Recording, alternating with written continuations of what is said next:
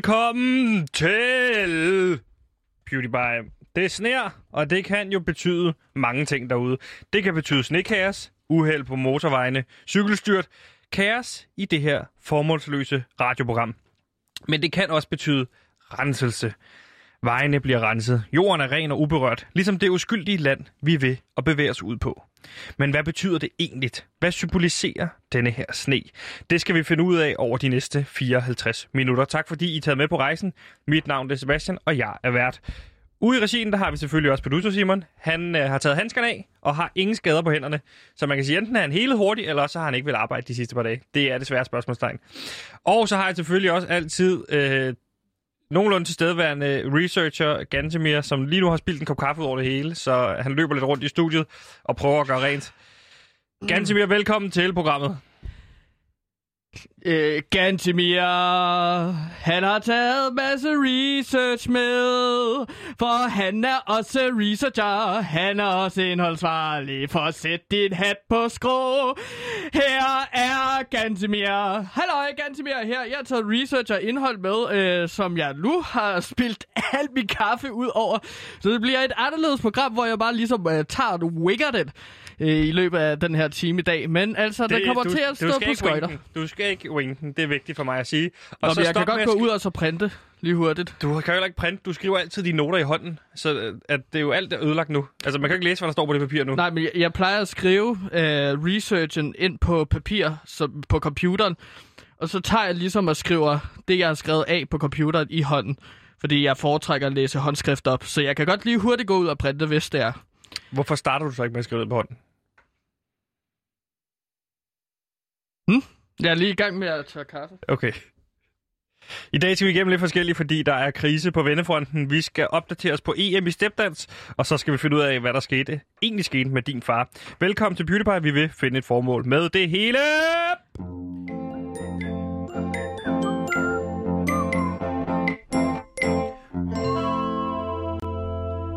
GM, Øh, S.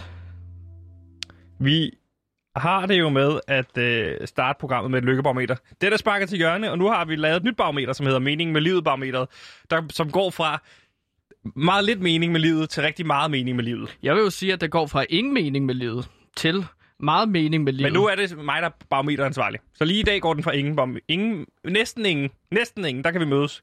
Mening med livet til ja. rigtig meget mening med livet. Ja, øh, vi lavede jo lykkebarometer fra minus 100 til plus 100. Du siger du vi. Det var mig, der lavede lykkebarometeret. Ja, okay. Men jeg, jeg foreslog også i går, eller var det i forgårs, det giver ikke rigtig mening for mig længere. Men der spurgte jeg jo, om vi ikke skulle lave sådan en fra minus 100 til plus 100, altså bruge tallene. Men der, der har du altså alligevel... Øh, Ja, det vil være for meget. Folk vil sidde derude og tænke, hmm, det, var, det bliver en kopi af de gamle, øh, det gamle lykkebarometer. Jeg vil hellere have et nyt barometer, hvor der ikke er tal. Det, det er min klare opfattelse, når jeg snakker med lytter. men jeg synes bare, at du gjorde sådan et godt stykke arbejde med lykkebarometer. Ja, men Klaas vil ikke have tal. tal. Vil t- Klaas ikke have Nej, tal? det ringede han til mig og sagde. Det er fint med lykkebarometeret. Jeg er bare træt af og de jeg, tal. jeg vil bare lige Så så... sige, hvad, hvem Klaas er. Og Klaas, det er vores øh, allerførste og mest loyale lytter, som ved du vi godt, har. hvad du er i gang med lige nu? Lige nu er du i gang med at fortælle til den eneste, der lytter med, hvem han selv er. Klaas. Så Klaas, hvis du sidder derude, så nu ved du, hvem du er. Du er Klaas, som lytter med. Jamen, det er jo bare i forhold til, hvis der nu er nogle nye lyttere, der Ja. ja. skruer ind, så tænker de, hvem fanden er Klaas? Han er ikke blevet præsenteret af dig endnu. Så vil jeg bare sige, at det var vores faste og bedste lytter. Og eneste. Klaas, nu ved du, hvem du er. Nå, Gansimir, hvis jeg selv skal starte med at lægge mig selv på det her barometer, så kan du stå og have noget kaffe af imens. Ja. Ja. Så vil jeg sige, øh, jeg ligger på... Øh, den bobler lige mellem meget og lidt. Jeg vil sige, jeg ligger mig lige præcis i midten mellem lidt mening med livet og meget mening med livet. Og det gør jeg, fordi jeg øh, rendte ind i en udendørsekspert i går, og øh, der fik ja. Ja. jeg øh, altså en hjemløs. Det er det, du kalder. Det... det, det du kalder øh, hjemløs, det som jeg kalder udendørsekspert. De vil hellere selv kaldes udendørseksperter, og det skal man respektere. Fuldstændig ligesom med indvandrere. Nå, hvor meget snakker du med udendørseksperter så? Øh, Siden altså, du jeg ved, hvad snakker, de vil ikke, kalde jeg snakker sig. ikke med dem, jeg snakker til dem. Jeg siger en hus forbi, tak. Og så køber jeg en hus forbi af dem. Og det gjorde jeg også i morges, øh, fordi at, øh, det skal man gøre en gang om året, synes jeg. Og det gjorde jeg i, øh, i går. Så du, du lægger simpelthen året ud med at bare købe din Det kan man årlige... komme godt i gang. New year, new me. Sidste år glemte jeg det, så i år købte jeg et hus forbi af en udendørsekspert. Øh, til gengæld så kom bussen lige da jeg skulle til at øh, ind i bussen. Så kom bussen. Jeg havde lige fået hus forbi. den. Jeg havde ikke mobile ham 20 kroner endnu, så det nåede jeg ikke. Jeg var nødt til at nå min bus jo, så jeg Så fik du ikke stak- betalt Okay. den ja. hjemme til den øh, udendørseksperten. Fik ikke betalt 20 kroner. okay. Fred være med det, det er bare en 20'er. Altså Jamen, whatever, det er jo ikke særlig mange penge. og Du kan sikkert finde nummeret, så du kan overføre Det ved til jeg ikke. Det er en, jo også, nu bliver det meget øh, besværligt Med i forhold MobilePay. til... eller- Ja, Okay. jeg ved ikke, om du ved, hvordan MobilePay fungerer, men så nemt er det ikke. Man kan ikke bare skrive udendørseksperten, øh, som står hernede ved hjørnet. Nå, jeg Du skal have tænkte et nummer. måske, man vil, ja, Du er det ikke kunne så man god til måske tal. finde på nettet, i forhold til, at de sikkert kunne tænke sig nogle... Øh, Jamen, det er jo, det er jo til Øh. den specifikke udendørsekspert. okay, modtaget. Men det, som er en virkelig god nyhed, kan man sige, i første omgang, det er, der er skrabelod i. Og på det skrabelod, der vinder jeg en iPhone 12. Du vinder simpelthen en iPhone 12 Lige præcis. på den øh, skrabelod, som du stjal fra en... Øh...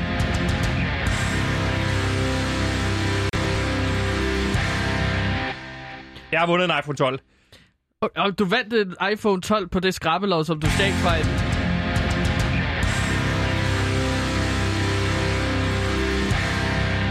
Lige præcis. Jeg har vundet en iPhone 12, og det er fuldstændig fantastisk. Problemet er jo, kan man sige, jeg har ikke betalt 20'eren for det hus forbi. Det vil jeg meget gerne gøre. Men jeg står i et lille dilemma, fordi nu har jeg jo bare taget, hvad kan man sige, taget en iPhone 12 fra en udendørsekspert. Ja, du har nærmest stjålet den, ikke? Fordi du har Nærmest. ikke betalt noget endnu. Jeg har ikke stjålet den. Jeg har nærmest, jeg har havde intentionen om at betale for den. Og det synes jeg, der kommer man langt allerede der. Hvis det er en fejl, at du tager produkter i et supermarked for eksempel, så stjæler du det jo ikke. Så laver du en fejl. Nej, det er rigtigt nok. Det er jeg Handler fuldstændig i god tro, enig og det gjorde jeg også her. Mm. Jeg kunne bare ikke nå det. Og så valgte jeg at prioritere det fra, så jeg kunne nå bussen. Fordi ellers Klar. så skulle jeg vente fire minutter på den næste. Nu står Okay. jeg med en iPhone 12. Ja, Mega glad for den. Vil du se den? ja Jeg har det vil købt jeg da cover gerne. til den og skærmbeskyttelse, så den kan, den kan ikke returneres. Jeg er nødt til at bruge den nu. Ja. Jeg har også installeret den og alt det der. Det er meget Mega flot fed. cover. Ja. Sådan en Garfield-cover. Med Garfield på. Ja. Kan du godt lide Garfield? Jeg kan godt lide gaffel, men jeg hader mandage. Men jeg elsker lasagne. Øh, Ej, Ligesom udendørseksperter. det er jo ligesom Garfield. Også uddannelseseksperter. De havde Uddan- mandag, men også mange andre dage, fordi det er hårdt Uddannelsesekspert. at bo udenfor, og det synes jeg, vi skal respektere i det her program. Det at være udendørsekspert, det er jo ikke et frit valg altid. Nej, især, fleste er det. især på en dag som i dag, hvor det bare sner Lige rigtig præcis. meget. Øh, nå, men så hvad... Der er tanker direkte her fra det her studie, ud til udendørseksperterne. De kan nok ikke høre det, men altså hvis de kunne... Klaas, hvis du sidder derude og kommer forbi en udendørsekspert, så sig lige, at vi har sendt nogle tanker øh, fra PewDiePie til de, øh, de udendørseksperter. Men vil du Hvor så... ligger du henne? Nå, Nå, jeg skal finde en Ja. kommission. Hvad skal jeg gøre? Skal jeg, jeg skal finde ham og give ham en 20, ikke?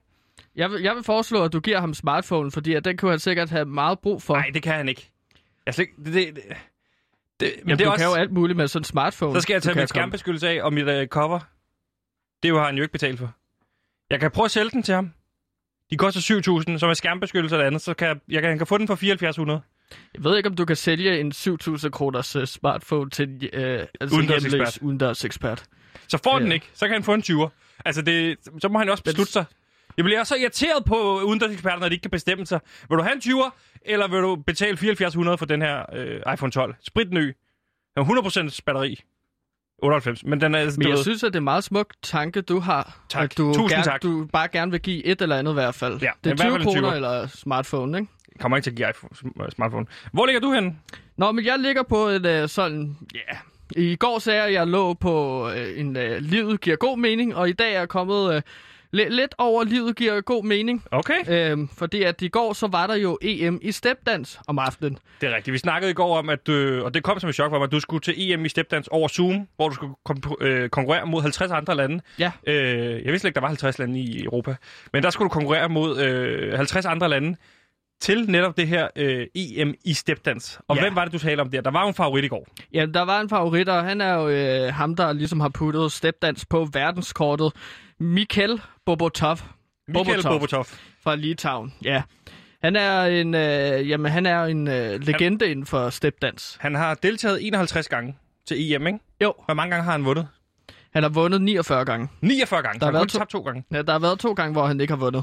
Og hvem har han tabt til? Jamen, øh, han har, han har tabt mod... Øh, ah, hvad er det, han hedder? Øh, George Watson fra Wales.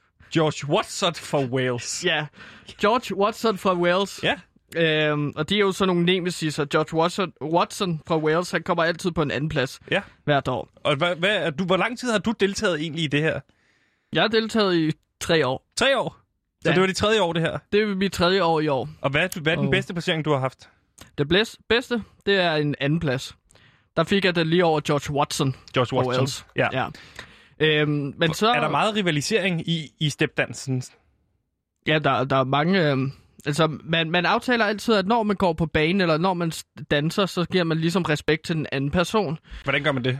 Øh, ved at holde sin kæft, og så bare lade den anden danse. Men så efter, når de har danset, så kan man godt buge. Okay, Det er selvfølgelig sjovere, når det er live, fordi så altså, kan man kaste rådne frugter. Men det kan man ikke rigtigt, når man sidder på Zoom. Nej. Så der er der en lille funktion, en knap, man kan trykke på på sin computer, hvor der står boo. okay. Er der sådan en frugtknap, ligesom i Fruit Ninja, så der ryger frugt op? Ja, men der kommer ikke rent faktisk fysiske frugter. det er bare på, det er skærmen, på skærmen. Ikke? Ja, helt sikkert. Øh, mange har siddet i spændingen derhjemme og ventet øh, på resultatet, hvad det blev i år, fordi det er jo sådan her, at Michael Gorbachev gik på pension, og det var hans sidste år. ja. Hvor, hvor endte Michael Gorbachev henne? Mi- Michael øh, Bobotov øh, kom på en førsteplads Ej, i vores hjerter. okay. Fordi der, det, der sker lige inden, at han skal til at danse, det er, at skærmen simpelthen... Vi kan ikke se ham. Når den fordi hakker at- bare. Nej, f- altså, der står bare en stol ved skærmen. Okay. Fordi han er simpelthen, øh, altså, død. Han faldt, ned, Bobotov. og, han faldt ned på gulvet, og så så vi lige pludselig en masse Dør ambulancer. han under Zoom-mødet? Ja, under øh, Spaniens øh, ellers frem, frembragende øh, stepdans. Øh, Hvem deltog for Spanien? Hvad hedder han? øh, øh, Michael, Michael Arteta. Arteta hedder han. Michael Arteta. Michael Arteteta. Ja, han blev døbt efter Michael, Michael Bobotov. Altså, Michael Arteta, han er jo træner for Arsenal. Jeg vidste ikke, han dyrkede stepdans. Gør han det simpelthen? Var det den, Michael Arteta? ja, jeg vidste ikke, at han, at han var træner i fodbold. Hvordan ser han ud? Havde han var en lille med sort hår? Lille med sort hår, Det skulle med... Michael Arteta, det vidste jeg ikke, at han... fantastisk hurtigt på benene. Ja. Ja. Altså, det er jo fordi, at højden gør sådan, så han kan bevæge sit ben ekstra hurtigt, ikke? Okay, okay Øhm. så han døde simpelthen, øh, Michael Bobotov. Øh, hvem vandt så? Hvem tog førstepladsen? Gjorde du det? George Watson. George Watson. Ja, Hvad han kom du vandt på? Jeg kom på en øh, tredjeplads. Okay, tillykke. Ej, Hvem kom ja. så på andenpladsen? Det gjorde øh, Michael Arteta, Okay. eller hvordan det var, hans efternavn er. Nu, ja, jeg kan ikke helt huske det, men det lyder som om, at vi snakker om den samme person, ikke? Det gør Men du ved jo, hvad efternavnet er. Men jeg kom simpelthen på en tredjeplads. Og, Hvad dansede du egentlig til? Øh, jamen, jeg, jeg havde jo lavet sådan en øh, øh, stepdans over Skagensmalerne. Så det var simpelthen, jeg dansede Skagensmalernes øh, malerier, fordi det er Du meget dansede dans. dansk kultur? Mhm. Okay. Øh, du har jo taget sangen med, du dansede til. Skal vi prøve at høre den? Ja. Okay.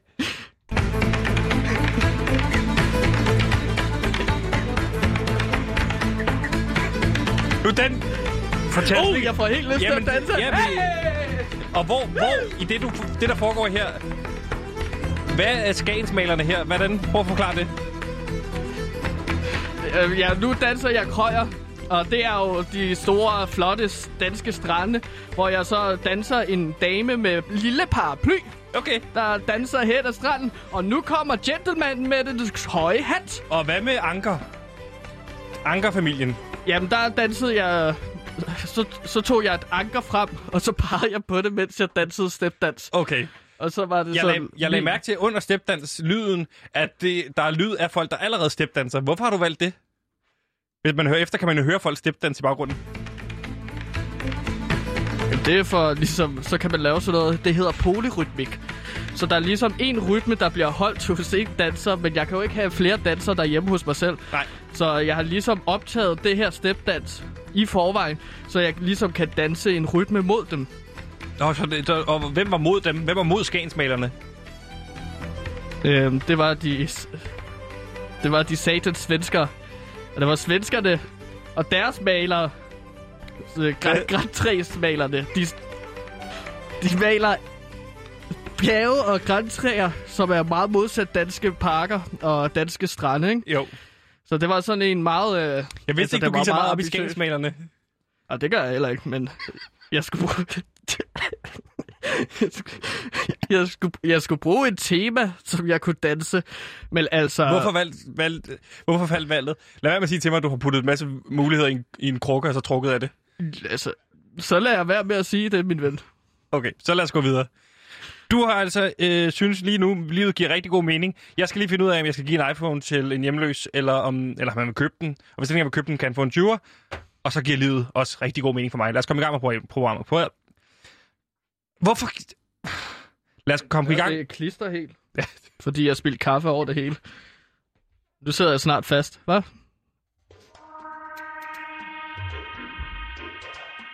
Du har aldrig hørt radio før, som du kan høre det i programmet Limbo. Lyt med, når vi på Radio Loud følger to unge radioværter, der er fanget i en tilstedeværelse mellem liv og død på et kælderloft, hvor hverken tid eller sted eksisterer. Limbo er programmet, hvor to værter er fanget i et cirkulært tidsloop og skal finde ud af, hvordan man lige håndterer sådan en situation. Du har aldrig hørt radio før, som du kan høre det. Du har aldrig hørt radio før, som du kan høre det i programmet Limbo. Du har aldrig hørt radio før, som du kan høre det i programmet Limbo. Du har aldrig hørt radio før, som du kan høre det i programmet Limbo. Du har aldrig hørt radio før, som du kan høre det. Du har aldrig hørt radio før, som du kan høre det. Du har aldrig hørt radio før, som du kan høre det i programmet Limbo. Limbo er programmet, hvor to værter er fanget i et cirkulært tidsloop og skal finde ud af, hvordan man lige håndterer sådan en situation. Hvor er der 24 timer tilbage? Hvad er det for en lortekanal? Lyt med, når to unge mennesker skal finde ud af, hvad de kan lave i løbet af en slaveagtig tilstedeværelse. I Radio Louds egen Limbo-podcast. Og Gantemir, Sebastian? øh, det er jo sådan her, at øh, det her det program, det hedder PewDiePie på Loud. Vi prøver at finde et formål med, hvorfor vi er her. Vi har tidligere gået meget op i og øh, have et formål med programmet. Det har vi ikke længere, fordi vi fandt lykken. Men noget, vi har gjort tidligere, og noget, vi kommer til at fortsætte med at gøre, det er at fokusere på en lille smule på i sådan en, hvad kan man sige, sin egen lille podcast-serie på, hvor blev din far af? Fordi det er jo sådan her, hvis jeg skal forstå helt korrekt, din far forsvandt, da du var lille. Kan mm. du ikke lige fortælle kort, hvad skete der, da din far forsvandt? For du voksede op med din mor primært. Ja, skal jeg fortælle om episoden, der ligesom førte til? Ja, bare kort. Jamen altså, det der sker, det er jo, at øh, vi kan jo godt lide, at sp- eller vi kunne rigtig godt lide hele familien, vi er de der fem personer. Vi kunne jo rigtig godt lide at øh, spise på Turinas Pizzeria, som er et pizzeria i Herlev. Ja. Og der går jeg så op øh, til min øh, far. Vi står i pizzeriaet, og så spørger jeg ham, hey, jeg var 11 år dengang, mener. Og så spurgte jeg ham, hey far, hvad kunne du godt tænke dig, en pizza eller burger? Og så sagde han, det her, det har jeg simpelthen ikke overskud til. Og så gik han ud for at købe smøger, og så har jeg ikke set ham siden. Så det, og der troede du vel, at han bare mente, at han havde ikke lige havde overskud til at finde ud af, hvad han skulle have pizza eller burger. Men, men måske var det i virkeligheden det at være far til dig, han ikke kunne mere, eller hvad? Ja, jeg fandt ud af, at det var nok mere sådan overordnet ting, at han ikke kan overskue at være den der, i den der rolle som far. Ja. Øh, Og det har jo sat sig sin, sine spor i dig, kan man sige. Er du et sted i dit liv, hvor du godt kan pege på, hvad, hvad- måske i hvert fald et spor, hvad, hvad, hvad har været tydeligt for dig, at det har sat sig i dig, det her med, at din far forlod jer, som så, lille- altså, da I var så små? Nå, men en generel øh, tro på, at øh, altså en, et, generelt at have det dårligt. Det er, jo, det er jo min far, der ligesom har sørget for det. Han var en øh, ret forfærdelig mand, husker jeg det som. Men føler du Øhm. på trods af det, at du i- igennem dit liv har jagtet andre mandlige rollemodeller? I, øh, Du har jo været, tidligere været en stor del af bandelivet, Ja. ja. så man kan sige, der er jo nogle, en jagt der på mandlige rollemodeller, er der ikke? jo, det er klart, men der blev jeg så bandeleder efter tre år. Var det meningen, at det skulle gå så stærkt? Nå, det, det er bare meget i mit liv har gået meget stærkt. Ja. Øh, siden at min Du far skulle nemlig blive forlod voksen mig. tidligt, ikke? Jo, det skulle jeg. Og det er... Det, det har jo selvfølgelig sat sine spor, fordi at jeg aldrig har haft den der klippe, som jeg føler, jeg kunne lide eller kunne støtte mig op af. Så derfor bliver ens liv også øh, meget uroligt. Og din far, han er jo en ekscentrisk, ekscentrisk karakter, kan man sige, fordi man kan sige, han er jo, hvad kan man... Under hele din opvækst har det jo ikke været lige del godt hele tiden, men han har jo levet et liv som splatterfilmsinstruktør, er det ikke rigtigt? Jo. Kan du kort fortælle lidt om hans karriere, og, og, og hvad, du, hvad du ved om den? Jamen altså, jeg ved, at han havde sin storhedstid i 70'erne og 80'erne. Ja. Øhm, og at hans kunstnernavn, min far hed Karl Valentin Skov, hans kunstnernavn var så Carlo Valentino Skov. Ja. Han har puttet de der ord på til sidst, for Lige sådan et præcis. kunstnernavn, ikke? Og du har i den forbindelse fundet nogle bånd op på loftet øh, hos din mor med gamle splatterfilm instrueret af ham, ikke også? Og vi har jo tidligere snakket om den her øh, film Kill, Kill, Kill, Murder, Murder, Murder, Dick, Vagina, øh, Kont fra 1979, ikke? Jo, Hvad for nogle har vi egentlig ellers talt om? Jamen, så har vi snakket om øh, Kvinder ser rødt. Hævnen er... Øh, og undskyld, vi har snakket om Kvinder ser rødt 2, øh, med undertitlen Hævnen er død fra 1984. Ja. Som jo er den her film, der handler om øh, Ja, ja, hans- de maniske kvinder Ja. og feminister, som, som, din, som, som skulle knippes til ro. Er det ikke rigtigt? Jo, mændene var blevet gjort til slaver, og så matriarkatet havde skulle så knippes, øh, sådan så de ikke var så hysteriske. Ja. Det var jo en anden tid, dengang min far lavede film, ikke? Så det syn på kvinder har selvfølgelig Ja, ændret for det er sig. ikke noget, jeg kan stå her og sige, jeg støtter op om overhovedet. Nej, jeg støtter heller ikke op, op omkring det. Nej. Men det er nu bare en anden tid, ikke? Jo. Så det er ligesom Og så har vi påvirket. jo også snakket om den her sexepidemien 4, ikke? I skoven kan ingen høre dig komme fra 1988, som jeg husker det. Mm. Og hvad var det, den handlede om? Øhm, det, det, var en vi, det var en virus, der ligesom gjorde kvinderne sindssyge. Der er ligesom Og så, så- et tema så- så... der, ikke? I, di- i din fars film. Ja, det, det er meget, øh, altså, det, det er jo meget sådan noget med sex, og det der med, at kvinder bliver lidt gale, og så skal de ligesom knippes til ro. Lige præcis. Det er sådan, min far var. Ja. Og så var han også meget tit selv i hovedrollerne. Ja. Øh, og så knippet med alle kvinder. Og det er jo, kan man sige, på den måde, øh, var der jo fuld penetration i din fars film. Er det ikke rigtigt? Jo, det insisterede han på, at det ligesom skulle være sådan noget method acting. Hvad sagde din mor egentlig til det? At din far skulle have så meget sex på, i de film, han øh, er Så med? Altså, det, det er jo klart, hun havde det jo ikke super fedt med det, vel? Nej. Øhm, Okay. okay. Men altså, du ved, at det var en anden tid dengang, så far og mor, de blev jo sammen, fordi at man skulle ligesom være en stærk kærtefamilie, derfor Lige præcis. ja, sådan 15 år siden, ikke? Jo. Men hvorfor... Øh, Det der med at blive skilt var ikke noget, man gjorde sig i nej, nej, for 15 år siden. det er fint. Hvorfor tror du, fordi der er mange lytter derude, og det er ikke bare fordi de er unge, der ikke har hørt om ham. Der er jo rigtig mange mennesker, der ikke har hørt om ham nogensinde. Hvorfor tror du ikke, vi har hørt om ham? Hvorfor tror du ikke, din brede masse har hørt om din far? Han er jo en produktiv herre. Ja, han lavede mange film, Ja. men ingen af de film blev rigtig sådan særlig store. Han var meget sådan nichekunstner. Han blev meget populær i på forskellige tyske splatterfilmsfestivaler. Mm. Øh, der fik han ligesom øh, en niche. Kan man som kalde ham en dykker. form for undergrundsinstruktør? Ja, en undergrundsinstruktør kan du jo sagtens kalde ham, også fordi han godt kunne lide at lave film øh, under jorden. Det, jeg mener med undergrunden, det er jo det der med, at han ikke, øh, han er ikke bl- kendt af masserne.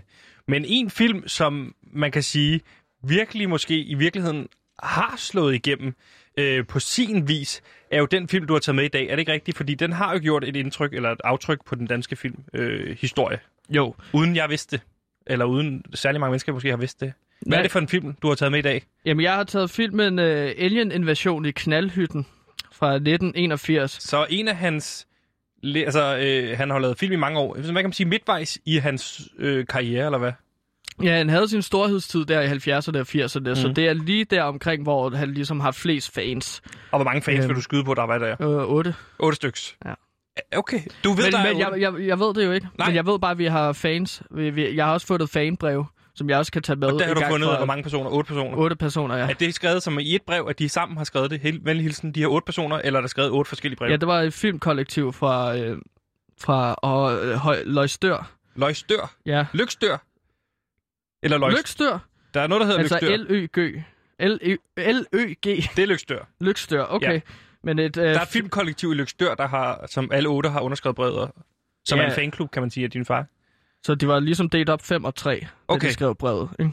Eller de skrev to breve. Okay, først var de fem, og så var de tre. Ja, Så, så, så der var er de to, tre. der faldt fra. Mm. Så gad de to ikke måske. Hvad handler den her alien-invasion i knaldhytten fra 1981 om? Jamen, øh, kort fortalt, så er det jo sådan sexet teenage-gyser med et twist af science fiction. Okay. Så igen ser vi altså noget science fiction i min fars øh, øh, film, Ja. øh, som han var lidt fascineret af. Ikke? Så altså filmen, han, skal jeg forklare handling? ja, det er skal det, jeg vi, spurgte øh, om. Okay. Men altså, det, det, det handler om den her gruppe af sexløsne teenager. Ja. Øh, som ligesom er ledet af den her flotte fodboldspiller. Det er hovedrollen. Han hedder Martin. Martin, okay. Ja. Hvem spiller Martin? Øh, det skør min far selvfølgelig. Spillede din far teenager i 1981? Ja. Hvordan slap han afsted med det? Øhm, altså, dengang var han 41, og øh, der havde han simpelthen taget sådan en blond peruk på, og så havde han taget sådan en, øh, og nu kan jeg ikke huske, hvad det hedder, sådan en øh, øh, leather ja- jacket, high school jacket, ikke? Jo, sådan en Du- bomberjacket Bomber jacket, ja, øh, lige præcis, hvor der stod hans navn, øh, kn- kn- øh, Knipperen stod der på. Det var, Knipperen? det, det var hans kælenavn i filmen. Altså Martins kælenavn. Ja. Okay.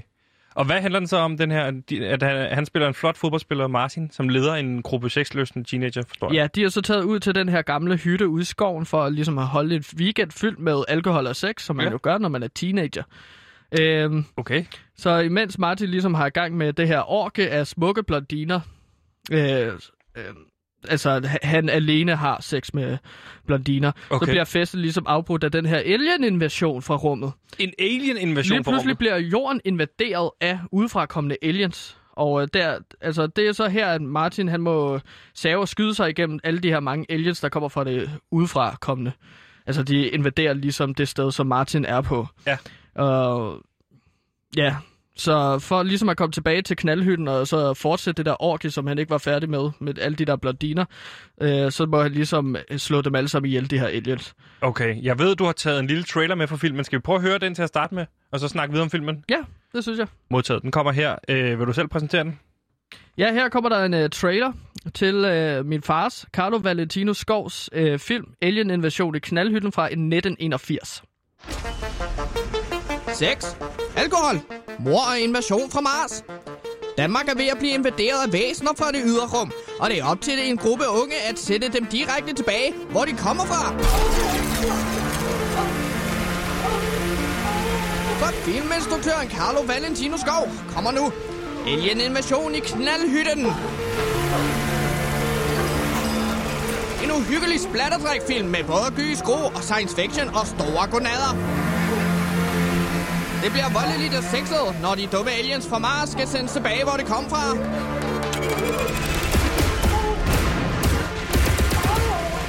Alien Invasion i knaldhytten. Køb den på VHS i den nærmeste videobutik. Hold nu fast. Det er, og må jeg sige, i, i forhold til de trailer, vi har hørt tidligere, den trailer, der har været mest fart på, den, får, den lyder fuldstændig vanvittig. Hvordan er special effects'ene? Har du set den? Øh, ja, jeg, har- jeg har set øh, noget af filmen, i hvert fald indtil at følelserne kom tilbage, og jeg ligesom huskede, hvem min far var. Ja. Sådan en forfærdelig person, ikke? Mm. Men altså, special effects er blandt andet lavet med pap. Okay. så, så, så, Så de her aliens fra Mars er lavet af pap. Ja, så måden de ligesom lavede UFO'en på, det var ligesom at lave sådan en pap.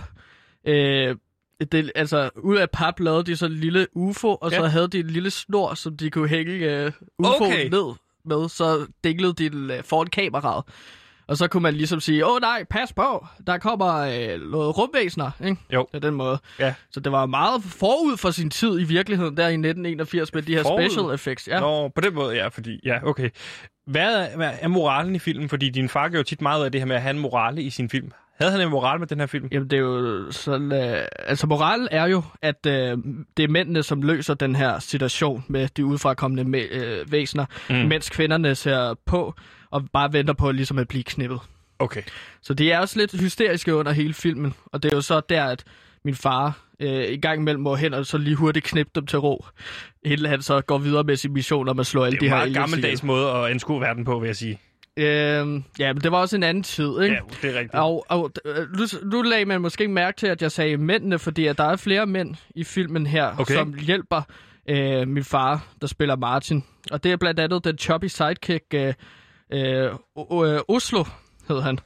Og det er ligesom Oslo øh, hele filmen igennem, så Knipper kan... olie Oslo også? Eller er det kun men- din far, der nej, knipper? men det er jo så det, der er sådan øh, med den her choppy sidekick Oslo, det er, at han kan simpelthen ikke komme. Han Okay. okay. kan aldrig komme. Så han kan bare blive ved med at knippe? Jamen, han prøver at onanere mens han ser på Martin ligesom knip alle de her blondiner, og han kan simpelthen ikke komme. Undtagen til sidst, når han ligesom slår sin første alien ihjel.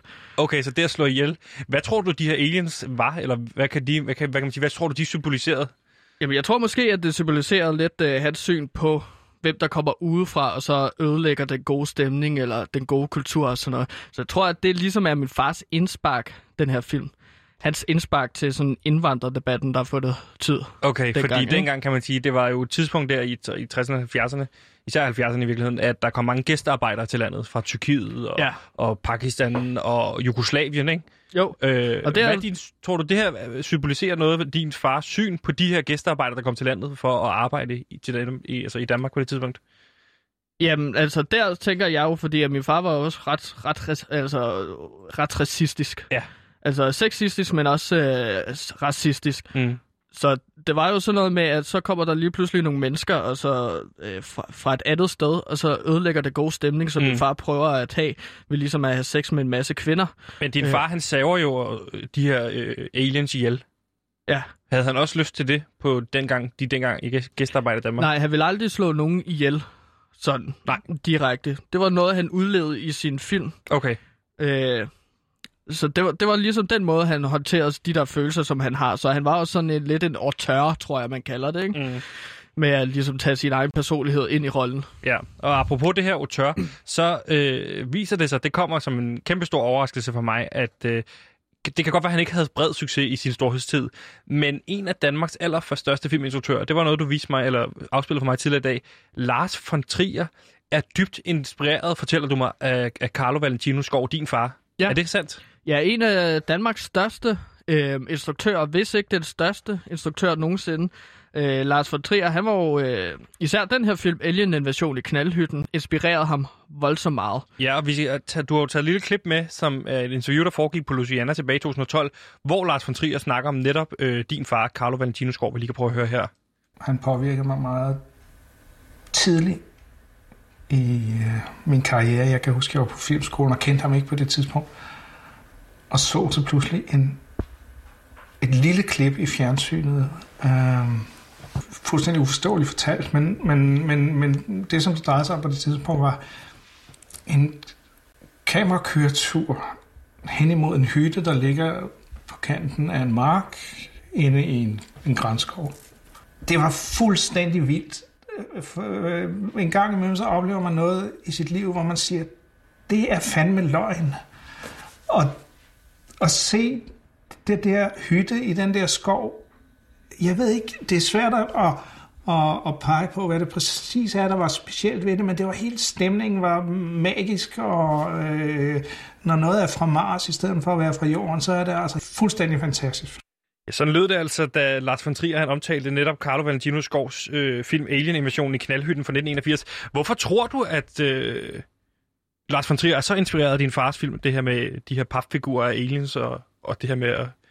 Men det, jeg tror, at, at meget kan man sige om min far, men han havde jo et kæmpe stort gå på mod. Mm. Han ville ikke lade sig... Øh, altså, han ville ikke gå på kompromis med noget. Hvis han havde en idé om, hvordan hans film og hans øh, kunst ligesom skulle laves, så lavede han det på den måde, han gjorde det, ved ligesom at få skaffet sig en hytte, og Altså så altså knalde den med her- en masse kvinder. Altså den her kompromilløshed, ja. Ja. som man kan sige la- meget om Lars von Trier, men den er også sådan noget, han har. Hvordan, hvis man nu kan, s- det er noget, du har vidst hele dit liv, det her med Lars von Trier. Mm. Mm. Hvor har du, kunne s- kan du se det nogle steder, undskyld, kan du se det nogle steder, det her med, at Lars von Trier er inspireret af din far? Altså, du tænker på sådan hans film. Ja, Lars hans von Triers film, film, eller Jamen, altså, den måde, det han er jo- agerer på? Eller? Altså, det er jo, det er jo meget øh, altså, altså, mørke t- tematikker, der er i Lars von Triers film, ligesom der er i min fars film. mm. Øhm, altså, man, man ser også nogle af de ting, som øh, Lars von Trier putter i sin film, for eksempel penetration. Ja, skedepenetration. Ja, skedepenetration, lige præcis. Øhm, I forskellige film, Antichrist, tror jeg, der er der noget skedepenetration Ja. og noget afhugning af lem. Ja. Altså noget. Det er ja, ja, også sådan noget, min far... klitorisen også bliver skåret af, ikke? Ja, og det, er jo- det er jo sådan noget, min far godt kunne lide at gøre. Der bliver ja, også i Nymphomaniac, der bliver også øh, skedepenetreret. Ja, og så tror jeg, at... Ikke, at, at det er noget, jeg har, jeg har, jeg har hørt fra folk. Og det er noget med, at i filmen The House That Jack Built, Ja. der er det også, at han slår en masse kvinder ihjel, og så bygger sit eget hus. Det var jo noget, som min far havde skrevet ned. Og så har du en lille Det var sjov hans idé. anekdote også om Lars von Trier, fordi det var faktisk ikke sikkert, at han skulle have heddet Lars von Trier. Er det ikke Nej, rigtigt? han hedder jo egentlig Lars Trier. Ja, det ved jeg godt. Er det din anekdote? Nå nej, men altså, jeg er bare i gang med at fortælle Nå, lytterne lidt okay. her. Han hedder jo Lars Trier, så Ja. ja. der er mange, der tror, at han hedder Lars von Trier, men det jeg gør troede i han mange ikke. år, han hed Lars von Trier, altså med F-U-N. Ja. Men det, så så jeg hans film, det var slet ikke så sjovt. Så måtte du lige dobbelttjekke igen. Ja, så var det med V. Ja, man, man kan jo ikke hedde noget, som ikke passer, tænker jeg. Nej, lige præcis. Man kan ikke hedde øh, Spand eller Max, uden at have det Max, for eksempel. Hvad sagde du med den anekdote med, øh, med, med navnet der? Fordi ja, det er jo kendt, han hedder jo Lars, von Tri, Lars Trier i virkeligheden, ikke? Ja, men han havde jo taget ordet fond Ja. fra et andet sted. Vel at mærke ikke F-U-N, men do- V-O-N. Fun. Von, von, kunne man måske sige, for at gøre det lettere. Da Det han, er ikke at skulle, blive lettere. da han Lars skulle, von Trier. ja, Lars von Trier, da, han, sk- eller, da Lars Trier skulle vælge et kunstnernavn dengang, så var han jo lige ved at øh, gøre som min far her. Ja. Og putte to ord på, ikke? Jo, for din far hedder jo Karl Valentin Skov, Ja. men han hedder så nu som kunstner. Carlo Valentino Skov. Okay. Så... Så det var tæt på, at øh, Lars øh, Trier, han kom til at hedde Larso Trio. Lars von Trio, Ja. ligesom Thomas Treve, også jo er et kunstnernavn. Ja. Okay, Lars von Trio. Ja, men så fandt... Hvor ved du det her fra? Det har, det har, det har Lars, la, øh, la, undskyld, nu bytter jeg om på navnet. Lars von Trier har sagt det i det interview, vi lige hørte Okay. et klip fra på Louisiana, ikke? Jo. Men øh, så blandt andet så fandt Lars Trio også, at der fa- fandt ud af, at der er et jazz-trio i Næstved, der hedder Lars Trio. Lasso Trio. Så okay. okay. det gik lidt galt der. Men... Her til allersidst, øh, Gantemir, så har vi et lille klip, hvor at øh, Lars von Trier, som måske skulle have heddet Lasso Trio, øh, beskriver lidt, hvor meget han egentlig elsker din fars film. Det kan vi måske slutte af på. uforudsigelig på, på, på alle måder, men, men det var fuldstændig, jeg var fuldstændig slået ud af det i dage, og så fik jeg set filmen rigtigt, og har set den 20-30 gange siden, uden at forstå meget mere, end jeg forstod første gang.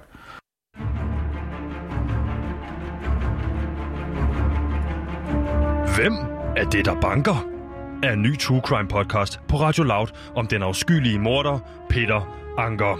En podcastserie på 26 afsnit, som kun udkommer torsdag i januar måned.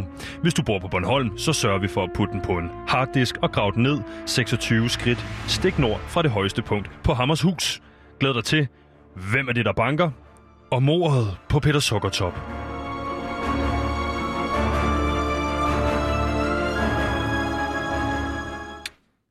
Yes, du lytter til PewDiePie, et program, som har fået lus. Ja, så er det sagt. Ja, Ja, så er det lus, sagt. Men vi er i gang med lusekuren. I går, Gantimir, der var endnu et pressemøde, som vi jo også har talt om tidligere, hvor at, øh, der kom nye restriktioner. Og du gættede jo i sin tid på, hvad restriktionerne skulle være. Og hvad var det, du gættede på her? Jamen, jeg gætter blandt andet på, at øh, alle danskere vil få sådan en stødhalsbånd på. Alle danskere? Ja, alle danskere vil få, nej, altså folk, der bliver testet positive. Okay, så ikke alle danskere vil få stødhalsbånd på. Nej, men alle danskere, der er blevet testet positiv, hvilket gør, at hvis du går uden for din lejlighed, øh, og du er testet positiv, så vil du få strøm, så du ikke... Øh, det gør simpelthen så ondt, at du ikke kan gå ud af lejligheden. Lige præcis. Enten det, eller også så blev man sendt til en vikingeby, ligesom i Lejre, hvor man så kunne øh, flytte hen, som blev sådan en coronaby, mm. hvor man kunne hænge ud, indtil man ikke havde corona mere. Er det ikke rigtigt? Ja, så det er sådan alt afhængig af, om man hellere vil være alene, eller prøve at opbygge et lille samfund. Og hvorfor gættede du på det? Nej, nej.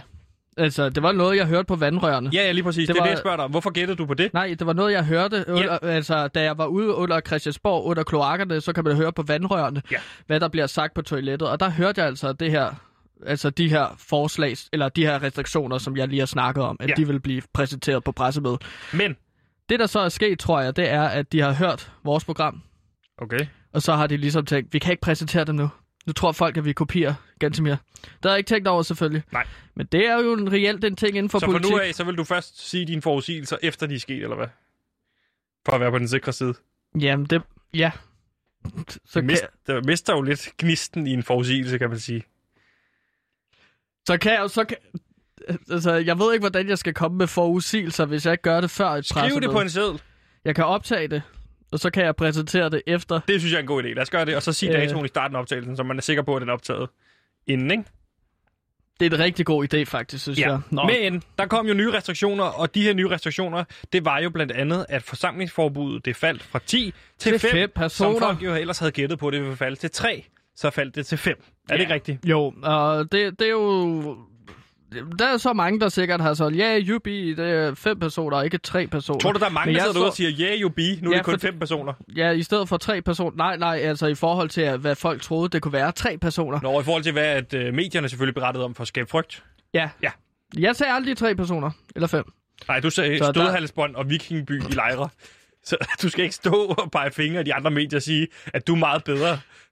Altså, du har jo sagt noget, der... De var jo to personer fra. Du var en hel vikingeby og stødhalsbånd og monteret øh, stødsensorer på alle døre i Danmark fra.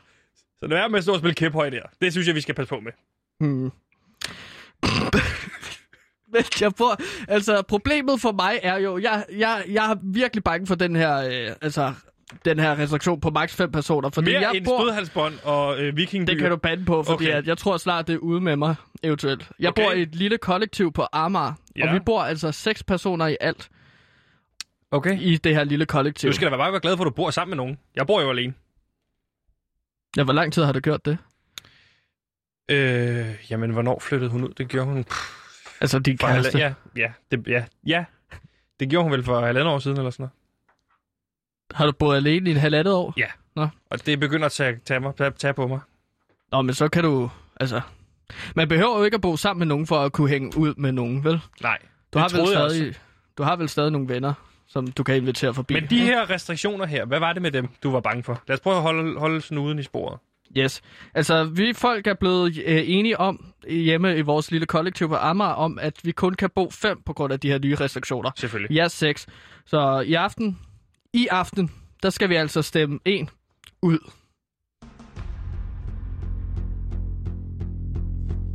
Og øh, den måde, og den måde, vi gerne vil øh, stemme en ud af lejligheden, så vi kun bliver de maks 5 og ikke 6 personer, det vil vi gøre ved et klassisk ø-råd, hvor vi smider alle... Altså, Pas på hvor at vi, sige klassisk ø-råd. Jeg ved ikke, hvor mange, der stemmer folk ud af deres kollektiv ved, at sige- ved et ø-råd. Men I har besluttet at indføre et ø-råd, så I skal, bes- I skal stemme om, hvem der skal ud. ja, vi smider alle sammen en sædel i en krukke. Ja. Så det, vi skal i aften, vi har alle hver især fået lov til at holde en brandtal om, hvorfor vi ikke skal stemmes ud, og hvorfor en anden ligesom bør stemmes ud. Ja. Og Sebastian, jeg har virkelig brug for dit hjælp her. Ja, ja, Jeg har virkelig selvfølgelig. brug jeg, for- for... jo, øh, jeg har jo haft noget, øh, et, et, et semester i branding and, branding and, and so on. Hed det. Øh, Jamen, vi, vi skal have skrevet en brandtal, så jeg ligesom ikke skal sendes hjem. ja, det hed branding and so on. Så det er altså de, de fem andre personer, som jeg ligesom... bor du øh, egentlig klistrer- med? Jamen, jeg bor sammen med en Sofie og en Helena, og de spiller begge to musik. Øh, sådan noget popmusik. Okay. Øhm, og så bor jeg sammen med Paranoia-Pelle, som vi har snakket om før i lejligheden.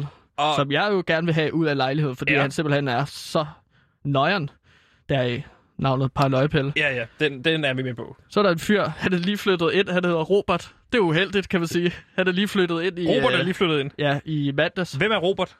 Hvad er han for en st- Jeg har størrelse? ikke, jeg har ikke snakket med ham. Okay. Øh, han, han spiller Har du også mødt ham? musik. Ham? Han spiller også musik. Ja, jeg har ikke mødt ham endnu, men de andre siger, at han er flyttet ind. Okay. Så jeg tænker, at jeg skal mødes med ham i Hvor aften, stort når er vi skal jeres stemme. kollektiv? Jamen, Hvor mange jeg, jeg, kvadratmeter? kan ikke, jeg kan ikke de der kvadratmeter-mål. Okay, 82 kvadratmeter. til seks mennesker. Ja. Med hver deres værelse? Ja. Okay. Og har I også øh, stue, fælles stue? Øhm, nej, vi har et lille sådan skab, hvor man kan gå ind og tage 5 minutter, hvis man ligesom har brug for det. Øh, Har I men- køkken? Vi har et køkken, ja, ja og, og vi så har også badeværelse. toilet. Og badeværelse. Ja, badeværelse. Modsat. Der boede jeg jo et stykke tid. Det giver fem. Øh, Sofie, Helena, Paranoia Pelle, Robert, og hvem er den sidste så? og så den sidste, det er jo Udover Marco. Marco. Øh, Marco er medicinstuderende fra Italien. Okay. Ja, og han er, ja, han er jo så lige flyttet ind også. Han er også lige flyttet ind. Ja, så der er to, der lige er flyttet ind, som... Øh, ja, det var min idé, at vi skulle holde det her ø-råd her, at vi skal stemme en ud. Og så nu er, har, jeg- har, kan jeg bare mærke på energien, at det er som om, at de gerne vil have mig ud. Så jeg skal holde brandtag, Sebastian. Men der er jo, nu synes jeg lige, der er mange gode både at gå til det, fordi du, sådan som du har beskrevet Paranoia Pelle, som en mand, der går rundt bare tæller ned øh, og, og skraber i væggene og, og kun lever i slukket lys, tror du ikke, de stemmer på Paranoia Pelle? Jamen, de kan faktisk ret godt lide paranoia-pille. Hvorfor det? det? det? Sådan som du beskriver ham over for mig, der lyder han som det mest forfærdelige, man skal bo sammen med.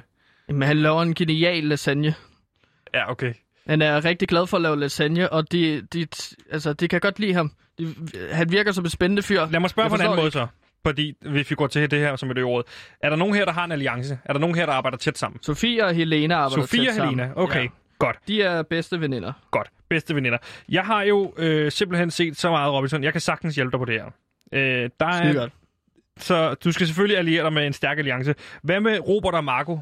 Øh, du har nok ikke mødt Robert endnu, men kunne du forestille dig, eller Paranoia Pelle, er der nogen af dem, der, der er tætte? Eller, eller er de også Ja, jeg tør, umulige at erobre? jeg tør simpelthen ikke at snakke med paranoia-pille. Paranoia Pelle, godt. Så streger vi ham ud. Ja. Hvad med Robert og Marco? Nu har jeg kun mødt Marco. Jeg har kun mødt Marco af Marco og Robert.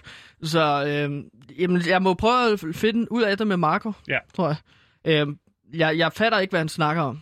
Altså, det, altså, det, er jo- det er jo sådan en dialekt, Snakker han italiensk? da han snakker dansk. Hvordan taler han? Prøv at gengive det. Øhm, Hej, Kåre.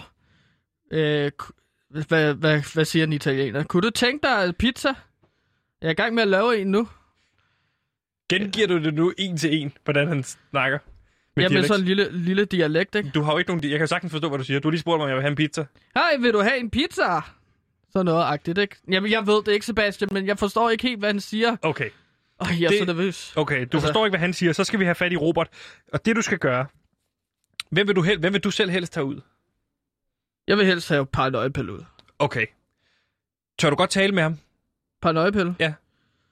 Det kan jeg jo så blive nødt til. Ja. Fordi så tager altså... du Altså- paranoiapille til side, og så skal du få paranoiapille til at tro, at I danner en alliance mod en af de andre. For eksempel Marco. Mm. Kan, par, kan paranoia-pille, er der nogen, han ikke kan lide i lejligheden? Nej, men der, altså, han, kan jo, han kan jo egentlig lide dem alle sammen. Okay. Øhm, Har han haft Tror nogle jeg. stridigheder med nogle af de andre end dig? jamen, han havde lidt en stridighed med Marco tidligere i, øh, ja, i øh, 2020, ikke? Øh, i december. Fordi at, Hvad gik øh, det ud på? Ja, øh, Paranoiapel ville gerne lave en lasagne, en stor lasagne, Ja. men Marco han ville gerne lave øh, en pizza ind i ovnen. Mm. Så der var ligesom, der var ikke plads til begge ting inde i ovnen, og så kom de op og diskuterede og skændes omkring det. Øhm, Men lasagne er jo også italiensk. Kunne Marco ikke gå med på den?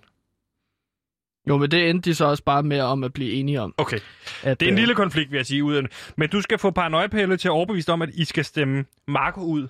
Men hvad du i virkeligheden gør, det er, at du sammen med de andre bag paranoia ryg, stemmer paranoia ud. Okay, Så du får paranoia til at tro, at I alle sammen stemmer på Marco. Det gør I ikke. Og så skal du have fat i Sofie og Helena. Og så skal du få dem overbevist om, at I skal stemme paranoia ud.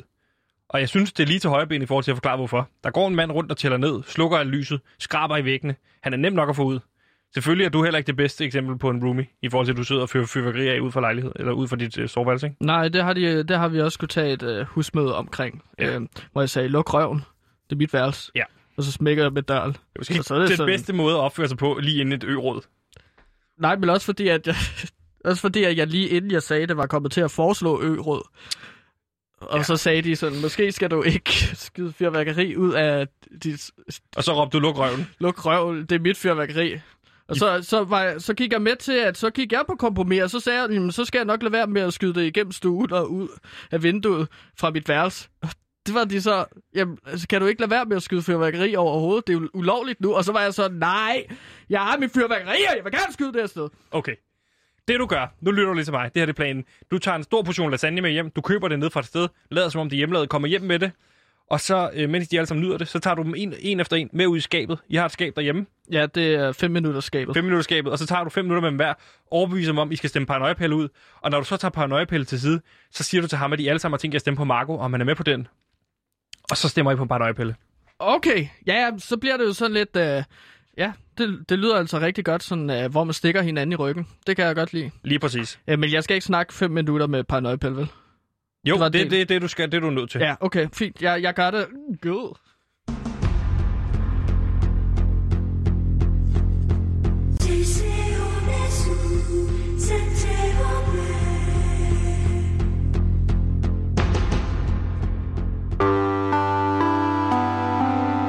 Mit navn er Jesper Ritz. Jeg elsker PewDiePie og Radio Loud lige så højt, som jeg elsker heroin. Og ved du hvad, vi også elsker Jasper Ritz. Ja, folk med ADHD. Fordi vi er et program, der kan åbne armene ud og sige det. 3, 2, 1. vi, vi elsker, elsker folk, folk med, med ADHD. ADHD. Ja, lige Dem er der præcis. også plads til, synes jeg, i verden. Ja, og måske skal vi forklare, hvorfor Nej. vi siger det. Det behøver vi ikke. Nå, okay. Hvis man har hørt et specifikt afsnit tilbage for øh, dengang Jesper Ritz var Et gæst, halvt år. ja, så kan man forstå det. Ellers så lader vi det ligge. Ganske mere, vil du ikke gå over i hjørnet og tænde Lyttertron, så tænd, forklarer jeg mens, hvem han er. Nu er det blevet til Det er fint. blå lys og trans. Ja, yes, lige præcis. For Lyttertron, det er den her kunstige intelligens, du har bygget. Øh, Moving up. er fint. Tron 3000. Rock on, Lyttertron. Ja. Rock on. Hvad? Det er fordi, jeg snakker nogle gange med den, så den ligesom lærer, at, at, sådan, at hvordan man ligesom er et menneske på. Drømmen er, er, ikke jo et den. menneske, vil jeg sige, rock on. Godt. Lyttertrend er den her kunstig intelligens, der kan spytte øh, lytterfeedback ud til os, fordi vi desværre ikke er så heldige at have lytterfeedback. Du har fodret den med en masse øh, lytterfeedback, der kommer til andre programmer, så den kan generere sit eget. Og øh, hvad er det, vi har spurgt øh, Lyttertrend om i dag? Jamen, vi har spurgt Lyttertron om, at... Øh, nej, vi har spurgt lytterne, hedder det, om Ja. ja. hvordan deres 2021 har været indtil videre. Okay. Så øh, nu håber vi, at vi får en besked, som vi gør nu. Så læser jeg den første op. Rock on, Lyttertrond! Hey drenge, hey. har Hey. haft det travlt 2021 indtil videre. På min arbejdsplads blev jeg sat til at gå lige knap en kilometer saltvand nede ved stranden, så vores friske hummer kunne holde sig til at blive sendt med postnord. Okay. Det er jo i januar måned, og det blæser konstant. Tak for programmet fra Mike. Okay, Mike, det lyder som noget af en oplevelse. Øh, Og, Mike øh, Hummerfanger. Mike. Øh, lad være med at give ham kælenavn. Det ved, ved vi jo ikke, om han vil kaldes. Mikke kan også være, han hedder Mikke. Mikke, Mike, tak for din uh, sms. Uh, flere af dem. Og der kommer en til. Fyr. Shit, mand. Det er yes. Nogle gange er det sværere lige at... Der. Og det var en ordentlig smør. jeg har det bare sådan, at bare... Det her det er sms'en, ikke? Jeg har det bare sådan... Shh. Jeg har det bare sådan, at bare fordi kalenderen siger 2021, så stopper problemerne fra forrige år ikke bare. Enig. Det har vi jo selv oplevet herinde, ikke? Mm. Jeg havde sendt min assistent Karina ned efter sandwich. Så kommer hun tilbage med en kylling sandwich med kajdressing i. Okay, lækkert. Ah. Og jeg hader dressing generelt. Jeg synes, det ødelægger alt mad. Jeg sætter hende ned igen efter øh, et sædvanlige, det sædvanlige, som hun jo godt ved, hvad er. Da hun kommer tilbage, åbner jeg sandwichen for en sikkerheds skyld, og det ser ikke ud til, at der er dressing i. Men så åbner jeg den lidt mere og kan se, der har været dressing i, og det er bare skrabet af. Jeg har det bare sådan, you had one job, Karina. Så jeg fortalte hende, at hun var fucking fyret. Hilsen James. Og øh, James var andet irriterende, der er bøvl på arbejdspladsen. Øh, men ved du hvad? Det er jo en privat virksomhed, så du har ret til at fyre lige, hvem du har lyst til. Ligesom Jastorf. Desværre. Eller, han var jo en god vært. Men nu har han jo åbenbart... Ja. Og den skal vi jo ikke for langt ned i, kan man sige. Der kommer en ny... Nej. Puh, ja. det var tæt på. Der reddede uh, lytter fra lige vores røv endnu en gang. 2021, og det er lytter, vi har spurgt om, øh, hvordan deres 2021 har været indtil videre. Ja. 2021 for mig har været et koldt en af slagsen. Ja, enig! Lige så herfra. Rock on! Rock on! Number of the beast! Øh, koldt en af slagsen, da jeg i mit brændert nytårsaften kom til at vælte en hel ydervæg i min lejlighed på Oh. 6. sal i Aalborg. Okay. Så det blæser lige nu direkte ind. Håber, der kommer en glarmester forbi og får kigger på det i løbet af ugen. Med venlig hilsen, Peter. Og det er simpelthen en glarmester, der skal fje- fi- fikse en helt ydervæg. Eller også skal han bare lave et stort glasparti. Det kunne være fedt. For dig ville det være fedt at kunne fyre fyrværkeri af direkte ud fra 6. sal i sådan en kæmpe stor åbning, ikke? Jo, Eller kan du godt lide det, at det er en lille åbning, du skal ramme? Ja, det er meget federe med en lille åbning, Hvorfor? synes jeg. Fordi at så gør det også lidt en konkurrence til at ligesom ramme målet, ikke? Jo. Rammer Så- du hver gang? Nej, Det gør du ikke. nej, så nogle gange skal man ligesom hurtigt hoppe ned under sengen, fordi at så eksploderer der sådan en raket indenfor. Og du har jo meget fyrværkeri på værelset. Kan det ikke sådan kickstarte hinanden? Nej, fordi det er jo pakket ind, okay. Nå, så okay. det kan ikke... Øh, det Så der er du safe. Hvad er din har jeg ikke yndlingsraket? hørt noget. Der kommer en ny der. Lad os tage den. Så, nu kommer der en til. Ja, tak. 2020. Nej, nu læser jeg op. Det gider jeg Nå. ikke høre din stemme mere. 2020 i limet dårlig. 2021 i limet forhåbentlig god. Hilsen Lyttertron 3000. En lort, Lyttertron. Det var ikke en af de gode. Nej. Der er det kommet til at glemme, at den altså skal udgive sig for at være lytter. Ja, ellers så ser vi jo dumme ud, når vi står og snakker med en robot. Altså, så spiller vi jo alle tid. Ja, men altså, det- altså det, det, altså, det, ja, det, det, det, det. Ja, gå over og sluk for Lyttertron. Så kan den skamme sig. Hej, hej, lytter, Litter Tron 3000 shutting down. Det bliver altså stadig varmt. Det gør han. Når man, øh, Det var alt, hvad vi nåede i øh, dagens program. Øh, det var produceret af Rankin Pack. Nej, det er det ikke. Det er et lavt program for helvede. Øh, ude i regien, der sidder øh, Simon. Han er producer. Og over for mig, der stod Gansimir. Uden noter i dag. Du wingede den. Det gik da okay. Ja, det gik da udmærket. Vi snakker om øh, det ø-rådsmøde, vi skal have i aften jo. Det tænker jeg bare wing alligevel. Jeg ved ikke, hvad jeg snakker Det var om. meget normalt program i forhold til... at Jeg der har ikke ikke, var noget jeg har ikke research. sovet i flere dage nu, så jeg er lidt væk nu.